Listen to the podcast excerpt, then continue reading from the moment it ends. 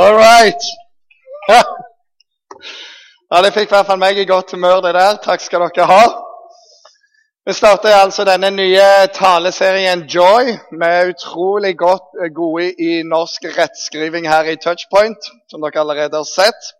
Men eh, bakgrunnen for det er at det fins et brev i Bibelen som heter Filippa-brevet. Av en del så oversettes det òg med 'gledens brev'. Og Gjennom de fire neste ukene så skal vi egentlig grave oss godt inn i det brevet. Og Allerede nå så kan jeg si om fire ganger, altså den siste gangen, da har du lyst til å være her. OK? Jeg kan bare si det. That's it. For da, da er det joy som gjelder. Men vi skal starte litt. Eh, Filippa-brevet er skrevet til eh, en menighet i byen Filippi som i den tid lå i Makedonia, som i dag ligger i det nordøstlige Hellas. Det var en gruveby, og pga. alle disse rike gruveforekomstene så ble det en handelsby. På den tiden Bibelen ble til, eller Nytestamentet ble til, så var Romerriket en faktum. Og dette var en romersk provinsby. Det var en veldig viktig nøkkelby for handel. Så hvis vi skulle sammenligne det med byer i dag, så kan du si det var dagens Genéve eller Strasbourg eller London, om du vil. Det var en veldig, veldig viktig by den gangen. Så der har du eh, Filippi. Eh, videre så er det sånn at eh, den første menigheten som kom til Europa, de første kristne europeere, kom fra den byen der. Og så har tida gått.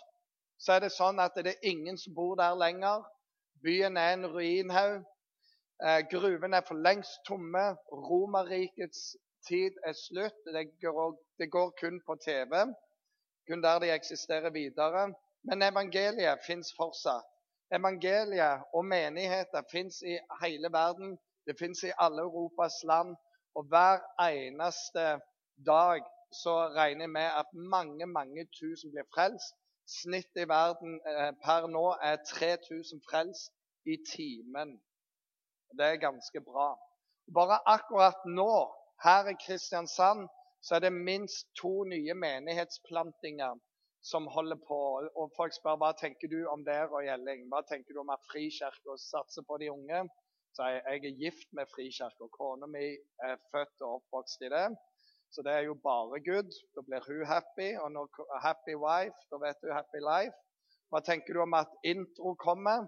Jeg tenker Det er helt fantastisk. Jeg vet halvparten av dere kommer til å gå der for at dere vil være verter, for det blir introvert, og dermed så forsvant dere. Og så har jeg skrevet til dem bare sånn Velkommen til byen. For her er greia. All kirkevekst, historikk, sier dette. I en by eller et område hvor du har åtte, ni, ti menigheter som er mindre enn ti år gamle, så blir det alltid vekkelse. Så vi bare får nok av de nye. For det, det, det er noe med de som starter menigheter, de, de snuser til Gud holder på med et eller annet. Så vi ønsker dem velkommen. Vi ber for dem, vi heier på dem. Og vi står sammen, for vi bygger ikke touchpoint, vi bygger Guds rike. Amen. Ja, det var veldig bra. Det var to pinsevenner her i dag. Takk skal dere ha. Men her er greia, da. La oss eh, gå inn. Eh, historien finner vi Apostelens gjerninger, kapittel 16. Og Det er tre karer. Det er Silas, Paulus og Timoteus. De reiser rundt på en eh, reise, for den strategien som fins, det er å plante nye menigheter. Det er sånn evangeliet skal fram. Og by the way, det er sånn evangeliet går fram i dag òg. Det plantes nye menigheter, for da kommer enda flere til tro. Det revitaliserer eksisterende menigheter, og du får en sånn vekselsvirkning som bare er fantastisk. Disse tre mennene her de tenkte følgende Vi skal gå videre rundt i Asia og til forskjellige byer. Og vi møter de i starten av reisen, og så står det bare sånn Den hellige ånd hindrer de i å forkynne ordet i Asia. Derfor fortsatte de gjennom Frygia og Galatia-landet. Da de var i nærheten av Mysia, prøvde de å dra videre til den vakre byen Bitynia, men Jesu ånd ga de ikke lov. Så Den hellige ånd hindra de, og Jesu ånd ga de ikke lov. Da dro de gjennom Mysia og kom ned til Troas. Om natten hadde Paulus et syn, og han ser en makedonier står der og sier, 'Kom over til oss, kom og hjelp oss.' Da skjønner Paulus at dette er Herren som taler til meg gjennom drømmen. Og straks så prøvde vi, skriver forfatteren, å reise til Europa. Og det er bare fantastisk. De hadde en plan, de hadde en ambisjon, de hadde et mål. De gikk 110 for det. De levde for Gud, men Gud sa nei. Deres planer er gode, men de er ikke riktige. Han hindra de, han ga de ikke lov. Og spørsmålet mitt er til deg hva gjør du når du ikke får lov? Hva gjør du når du vet at Gud egentlig har sagt nei til din plan? Touchpoint skulle være et sånt et arbeid ute i en bydel her som er Gimle og Justvik. For en menighet vi har planta der som heter Justnes misjonskirke. Vi skulle være på søndagskvelder, og den menigheten har sinnssykt mye barn. Der, eh, der teller vi barn foruten kvinner og menn.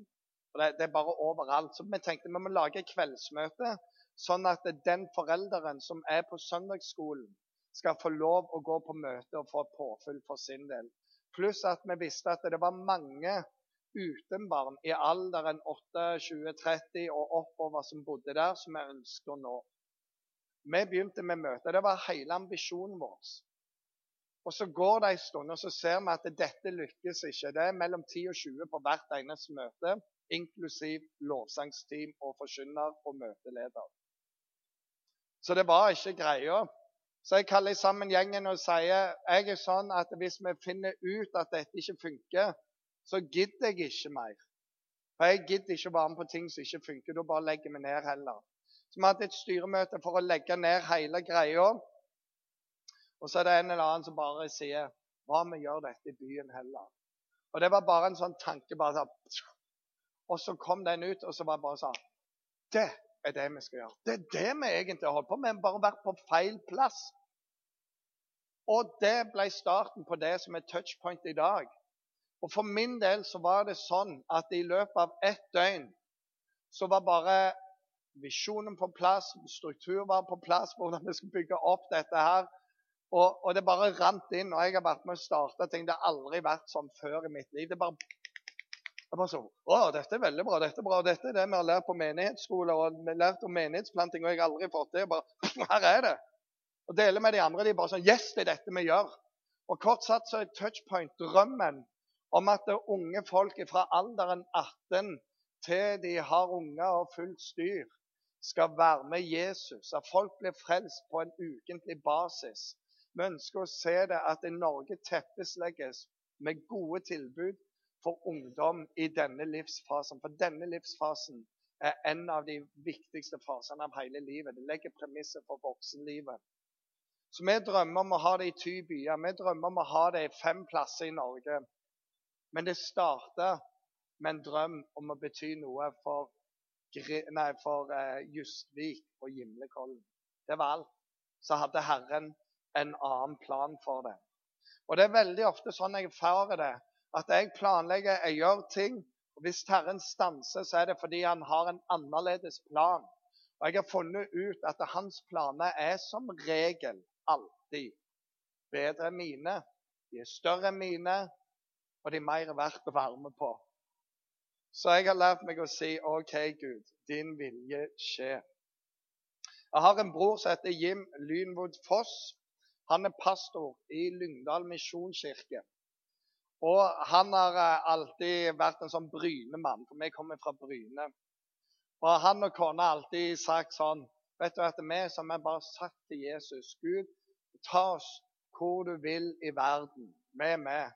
Og så har vi alltid lagt til Gud, bare det blir på Bryne. for de har alltid vært Nei, seriøst. Er vi hvor som helst. Ja, bare det blir på Bryne. For det er liksom alltid blitt Bryne av dette her. Og så skjer det det at han får et kall fra Lyngdal. Han vet han skal inn der. Og så får han komme i en menighet der mange bra folk er. Gode pastorer har vært før han. Og ifra han kom der, så har snittet på gudstjenesten gått fra 150 til nå opp i 240. Folk blir frelst ca. hver eneste uke i den menigheten. Og vi snakker barn, vi snakker tenåring, vi snakker voksne, vi snakker eldre. Folk kommer til tro i Lyngdal for tida. Og det, det er hinsides historier. Alt fra en unge som bare kommer til foreldrene sine, seks år gammel. 'Dere må lære meg om Jesus, for han har vist seg for meg.' Og de bare Vi må begynne å gå i menighet igjen til en som har vært en skikkelig skikkelig biker-dude og sitter lenket til rullestol. Han bare møter Jesus, og på hvert møte du bare sier 'Jesus', og Og det er, som, det er bare han han lever for. Og de fikk døpt denne fyren, og han er bare et syn. Det er litt tung, kan du si. Så de var fire mann for å bære denne lamme mannen ned. Akkurat sånn som han i taket så de helte ned, hvis du kan bibelhistorien. Så de var liksom fire mann for å døpe han. Han ene var ikke døpt fra før, så de spør han du, nå har du vært kristen i ganske mange år, du skulle ikke ha døpt deg du òg? Og når jeg står med beina nedi, så tok de han òg. Bare så Hvis dere ikke er kjent med Misjonsforbundet, vi, vi tror på barnedåp, vi tror på troende dåp. Det er ikke det det går i. Disse var bare ikke døpt. ok? Og så, og så øver de på han herren, og så kommer møtet. Og så får de døpt ham. Og du ser rundt i salen, og folk griner. Og så får de båret han ut og døpt han siste. Og så sier de på gangen Nå har du lov å rope halleluja. Og så hører de Jim prøver å forkynne, vet du. Det er bare nytteløst. For de hører der ute Halleluja! Amen! Gud! Ah! Bare sånn sånn. Og alle griner jo enda mer. Og det var den gudstjenesten. Og ødela alt sammen til folk som kommer fra andre plasser. Vi snakker om 10-40-vinduet, det muslimske vinduet, som bare fikk en bibel og sier 'Herre Jesus, jeg må ta imot den'. Det får han stå i nå, fordi han var villig til å flytte fra Bryne. Og det var det. Og det er Gud som gjør det. Så la meg spørre deg, hva er din plan, hva er din ambisjon? Er du sikker på at Gud er der? Jeg tror noen av dere som er her i kveld, vet at Gud har kalt deg til noe annet. Gud har sagt du skal gjøre det, men du bare gjør noe annet. Og Av og til så er det sånn med oss. Hvis vi har ambisjoner, så kan vi proklamere du vet jeg skal bli misjonær. Eller jeg skal bare gjøre det. Jeg skal bli skikkelig sånn som en onkel til. Jeg er verdens beste fotballspiller. Han er syv år. Ja, i hvert fall på mitt alderstrinn, da. Så bare, ok, whatever. Og så kan vi proklamere ut at Gud har kalt meg til det, og Gud har kalt meg til det. Og så inni så bare går det sånn som vet du, det er feil. Hva gjør du da? Eller du har begynt på noe, og så er det en stolthet. Du vil bare bevise noe. Men du vet at Herrens ånd hindrer oss. Hva gjør du da? Amerikanerne har et eh, uttrykk som jeg elsker. When the horse is dead, get off the saddle. Og det er noe når planen din er død, så ikke vær en tosk. Kom deg av det. Gud har noe annet. Det Gud har for deg, er ikke alltid det enkleste, den letteste veien. At du kan være der du har vært fordi han kaller deg til noe annet. Men det du vet, det er at han har sagt at der du går, der går jeg med deg. Jeg vil signe deg. Jeg vil aldri forlate deg. Og der han har kalt deg, der er det som regel noe mye større. Touchpoint var ikke det vi drømte om. Jim trodde alt var på Bryne, men det var visst i Lyngdal. Det står dette i ordspråkene 16.9. I hjertet planlegger mannen sin ferd. Du har et ansvar for å planlegge, men Herren styrer hans gang.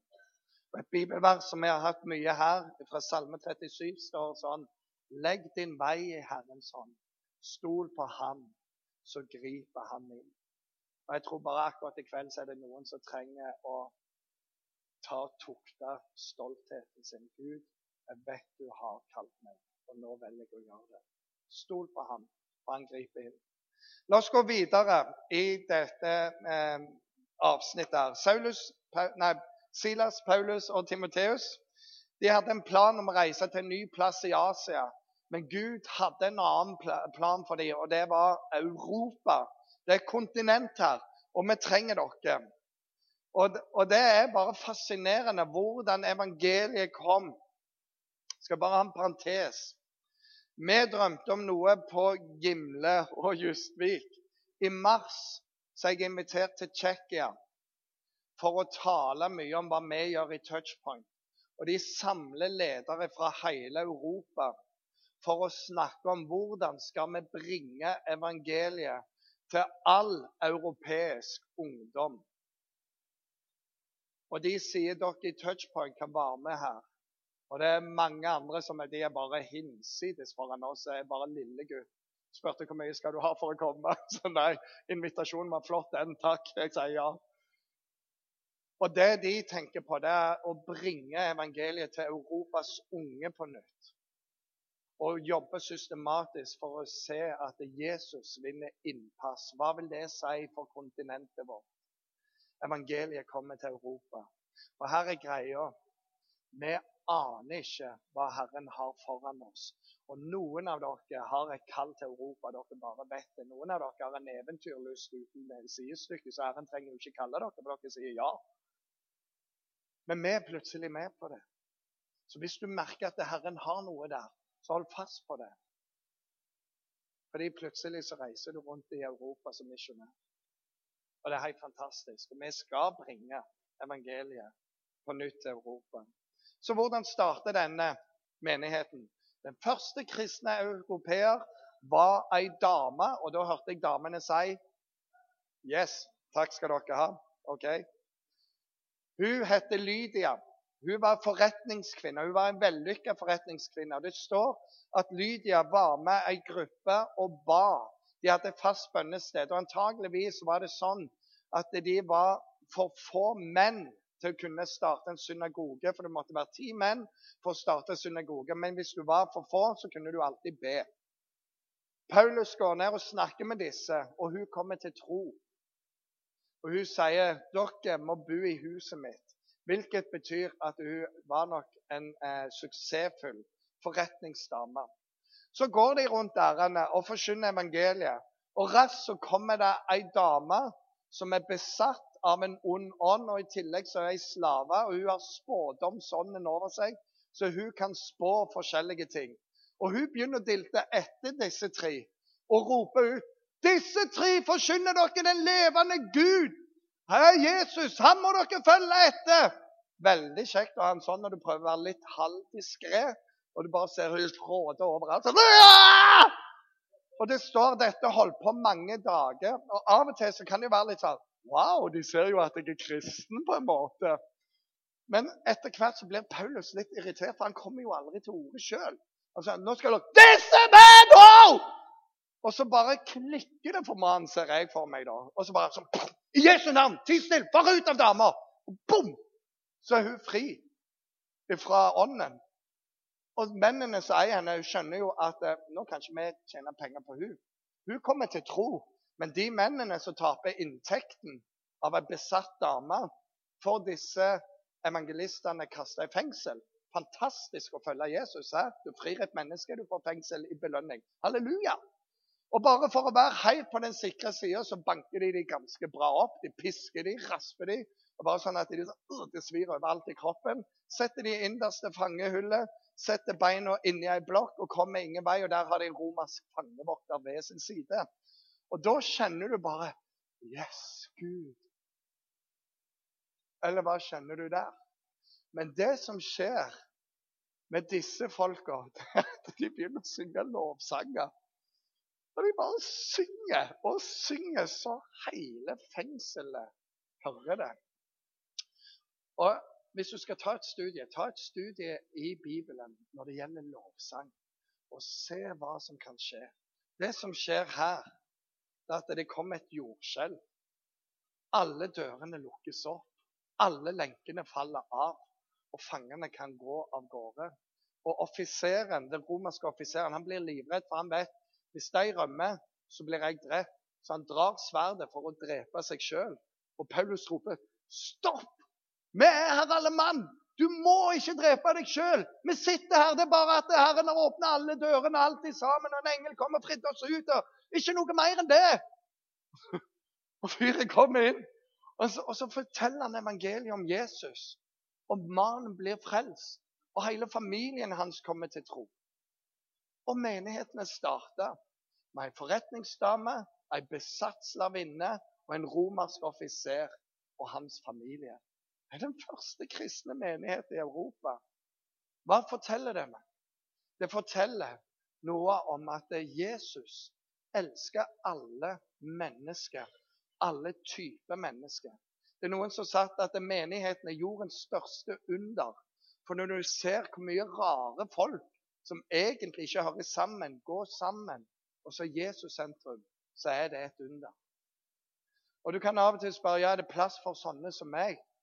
Ja, det er plass til de tre rare der. Selvfølgelig er det plass til deg òg. Det er plass til meg òg. Kolosserbrevet sier det. Her er det ikke forskjell på greker eller jøde, omskåret eller uomskåret, utlending, skyter, slave eller fri. Her er Kristus alt og i alle. Og Jesus han står sånn og tar imot oss. Så jeg bare kom. Bare kom. Ja, men kan jeg? Og Av og til kan tankene våre bare sånn Kom, sier Jesus. Kom til meg. Det er plass til deg. Europas menigheter ble født med dunder og brak. Det er plass til deg òg. OK? Så skal vi gå bitte litt tilbake til hun der slavinnen. For her er casen. Jeg, eh, jeg, har hørt en del på en artist som heter Carman. Bilmann på norsk. Veldig bra artistnavn. Hello, my name is Bilmann. Og han har en sang som er en historie som han har opplevd, som heter 'Witches Invitation'. En heksinvitasjon. Han forteller han går til sin postkasse, åpner opp, og ser bare den rareste konvolutten. Åpner den, og så sier jeg 'Hallo, mitt navn er så og så'. Jeg er en mannlig heks av den orden.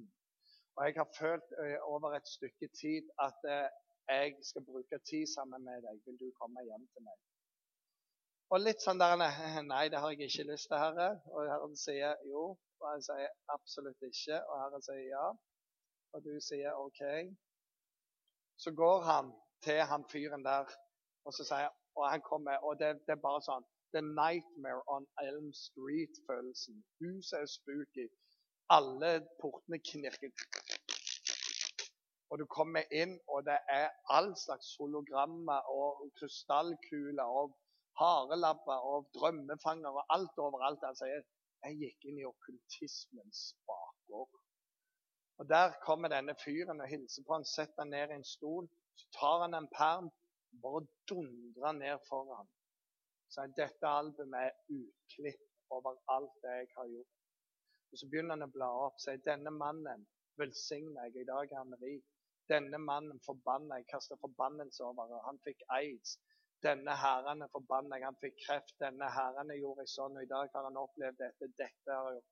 Og så sier jeg han gikk gjennom side etter side etter side etter side. Altså, det gjorde jeg med forbannelse og velsignelse, og det bare virker. Åndene virker i meg. Og så sier han til slutt, peker han fingeren dypt inn i ham og sier, hva kan din Gud gjøre for å konkurrere med dette? Da? Og Karman satt der og kjente at det, han kjente ingenting. Og så var det bare sånn Hva sier hun nå? Så til slutt så sier han du, jeg skal, ikke, jeg skal ikke sammenligne din Gud med min Gud. Men her er casen. Alle de ånder som du nå tror du kontrollerer. Alt det som du nå tror du leker med. Alle de forbannelser du kaster over de andre.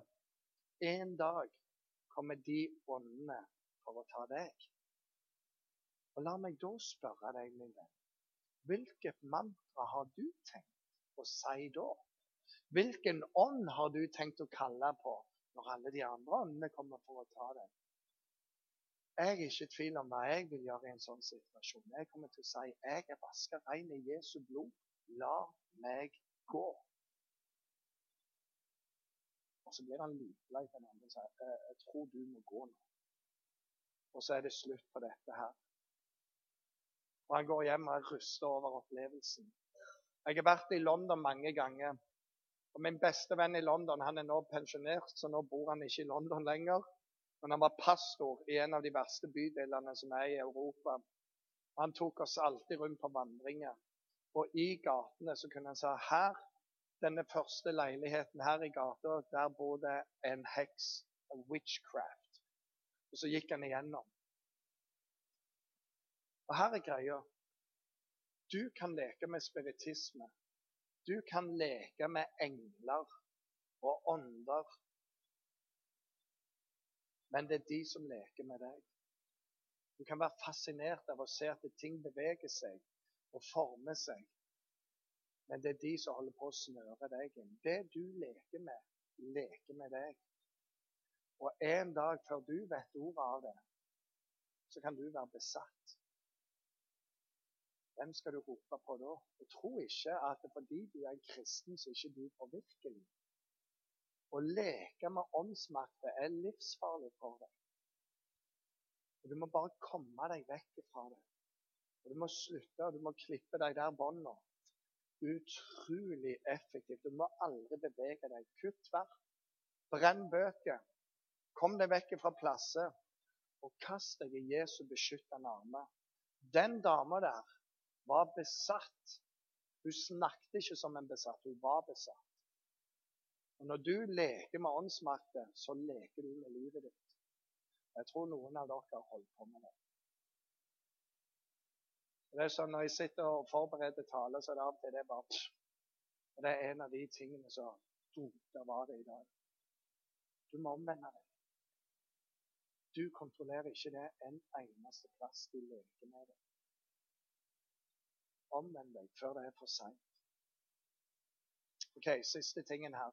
Her er hele avsnittet. En gang Paulus og Gjengen var på vei til bønnestedet, altså der Lydia var, møtte med en slavinne som var besatt av en spådomsånd. Hennes herrer tjente gode penger på at hun spådde. Hun fulgte etter Paulus og oss, mens hun ropte og skreik. Disse folkene er tjenere for den høyeste Gud, og de forkynner dere veien til frelse. Dette gjentok hun flere dager. Da ble Paulus sint, snudde seg og sa til ånden, jeg befaler deg i Jesu Kristi navn, far ut av henne. Der har du kraften og den forlot henne på timen. Da herrene hennes forsto at det ikke var mer fortjeneste å håpe på, grep de Paulus og Silas og Timoteus, kasta de i fengsel og befalte at de skulle piskes. De fikk mange slag, De satt i fengsel, og fangevokteren fikk ordre om å vokte de godt. Da han hadde fått denne ordren, tok han de inn i det innerste fangehullet og satte føttene deres fast i blokken. Amen. Ved midnattstid holdt Paulus og Silas bønn og sang lovsanger til Gud mens fangene lytta til dem. Og så kommer jordskjelvet. Min kone hun leser for tida bøker om Azusa Street. Det er da der den pinsekarismatiske vekkelse begynte. Og Det er noen som har samla eh, vitnesbyrd fra alle som var der. Første misjonæren som reiste ut fra Susa Street. Det var en svenske. Må alltid være en skandinaver, vet du. Men en av de som kom, det var hellige Magnus fra Sverige. Og det greia var at På den tida der så var statskirken i hele Norden rimelig egenrådende. I hans kirke så ble jeg fortalt at Bibelen er en historisk bok. Det gjaldt de som levde før, det gjelder ikke nå. Og han var bare hellig overbevist om at nei, Bibelen er en levende bok. De løftene som gjaldt da, gjelder nå og kommer til å gjelde til Jesus kommer inn. Og det er kraft å hente. Og dette ble han rikelig belønna for å tro og si, så de kasta han i fengsel i Sverige. Fantastisk. Kristne hjelper kristne.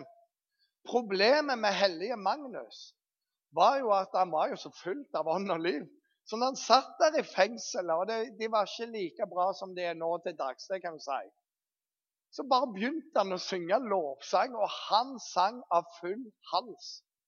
Problemet med det var jo at det andre fanger begynte å synge med ham. Og egentlig så var fengsel meint å være en plass der du har det litt kjipt. Men hellige Magnus gjorde dette til egentlig et ganske bra sted å være. For det er jo god klang i murene, og det høres veldig bra ut når 40-50 mannfolk stemmer i der Deg være Og det bare boom! Så fangevokterne ble så lei av hellige Magnus at de bare fikk han ut igjen. Han der fatter ikke hele greia. Han er jo svensk, sant? Så han passte bare aldri i fengselet. Og så reiste han til Amerika, så fikk han del i alt i sammen. Fangevoktere kom til tro. I andre brev til Paulus som jeg kommer til å si, det er at det andre som var lenka fast til han, vitna for hele tida.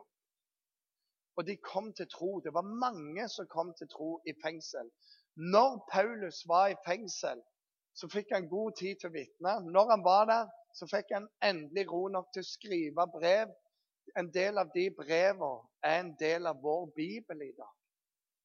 Han var i fengsel, men fengselet var ikke i han. Og mitt spørsmål til deg er hvilken type fengsel opplever du at du er i? Og hva gjør du med det? La oss gå tilbake til Sverige bitte litt. En av de største sang, eh, sangforfatterne der for meg er ei som heter Lina Sandell. Hun har skrevet de vakreste salmene vi synger. Hun var syk hele livet. Hun var i kroppslig fengsel. Hun har skrevet noen av de vakreste salmeskattene vi har. Hun var bare så himmelvendt gjennom livet sitt at det som kom ut av det, har blitt til velsignelse for hele verden. Hva gjør du i ditt fengsel? Og Det er forskjellige typer begrensninger. Forbanner du det? Forbanner du mørket, eller tenner du et lys? Ser du bare nedover, eller ser du oppover? For et fengsel kan òg være en mulighet. Innstilling og fokus forandrer alt. Og Gud er mektig til å gripe inn. Og Gjennom de tre neste gangene så er det mye av det vi skal se på. Innstilling og fokus. Men hva enn du måtte oppleve av fengsel, alt det som begrenser deg her og nå, så syng lovsang. Ha med Jesus inn. Jeg har så mange venner som har sittet med folk som ligger på sitt siste, og de kommer inn for å be for dem. Og så ender det med at de som ligger på sitt siste, ber for dem og styrker dem. Og så sier jeg jeg er på vei hjem til himmelen. Og så er ikke dette i dem. Og så bringer de håp og kraft inn til de som er igjen. Gud er med deg hvor enn du går. og, og Jesaja sier dette. Går du gjennom elve, så skal de ikke ta deg med. Går du gjennom ilden, så skal han ikke brenne deg, fordi jeg er der. Gud er i ditt fengsel. Og han kan sprenge de lenkene. For Saulus, for Paulus og Silas så var det nettopp det. De sang lovsanger, og lenkene kunne ikke holde i dem. Du er noe mer enn det du tror. Så la meg oppsummere helt, helt til slutt. Teksten om at evangeliet kommer til Europa, inneholder så mange ting. og Den første tingen vi stanser med, er dette. Når Den hellige ånd hindrer deg, når du vet at din plan, din plan, dine framtidsutsikter er feil, hva har du tenkt å gjøre med det? Jeg tror noen av dere er så stolte. Du bare holder på og holder på. Men du vet at det er dødt. Hesten er død. Min oppfordring til deg er ydmyk deg. Og så går du der du egentlig skal gå.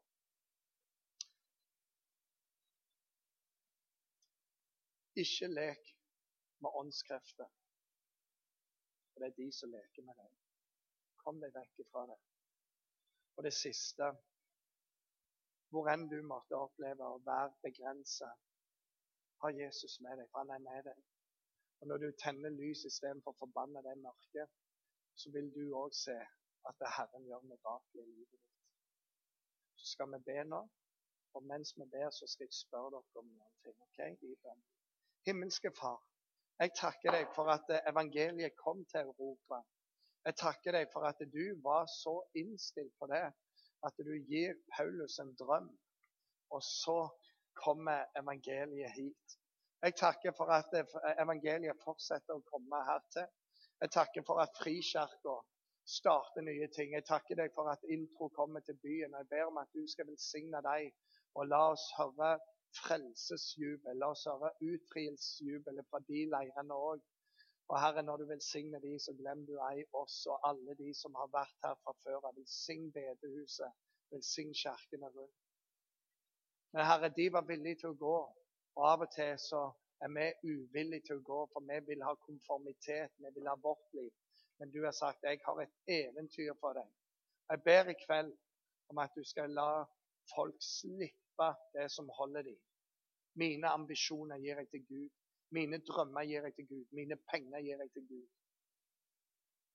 Herre, jeg ber òg for de som leker og tuller med ting de ikke aner hva de har begitt seg ut på, som de tror de kontrollerer. Fri de ut ifra det, og la de leve 100% for deg. La de lære deg å kjenne, sånn at de kan lære Han å kjenne, som kan helbrede folk på innsida og utsida. Han som fører folk helt til himmelen, nemlig deg.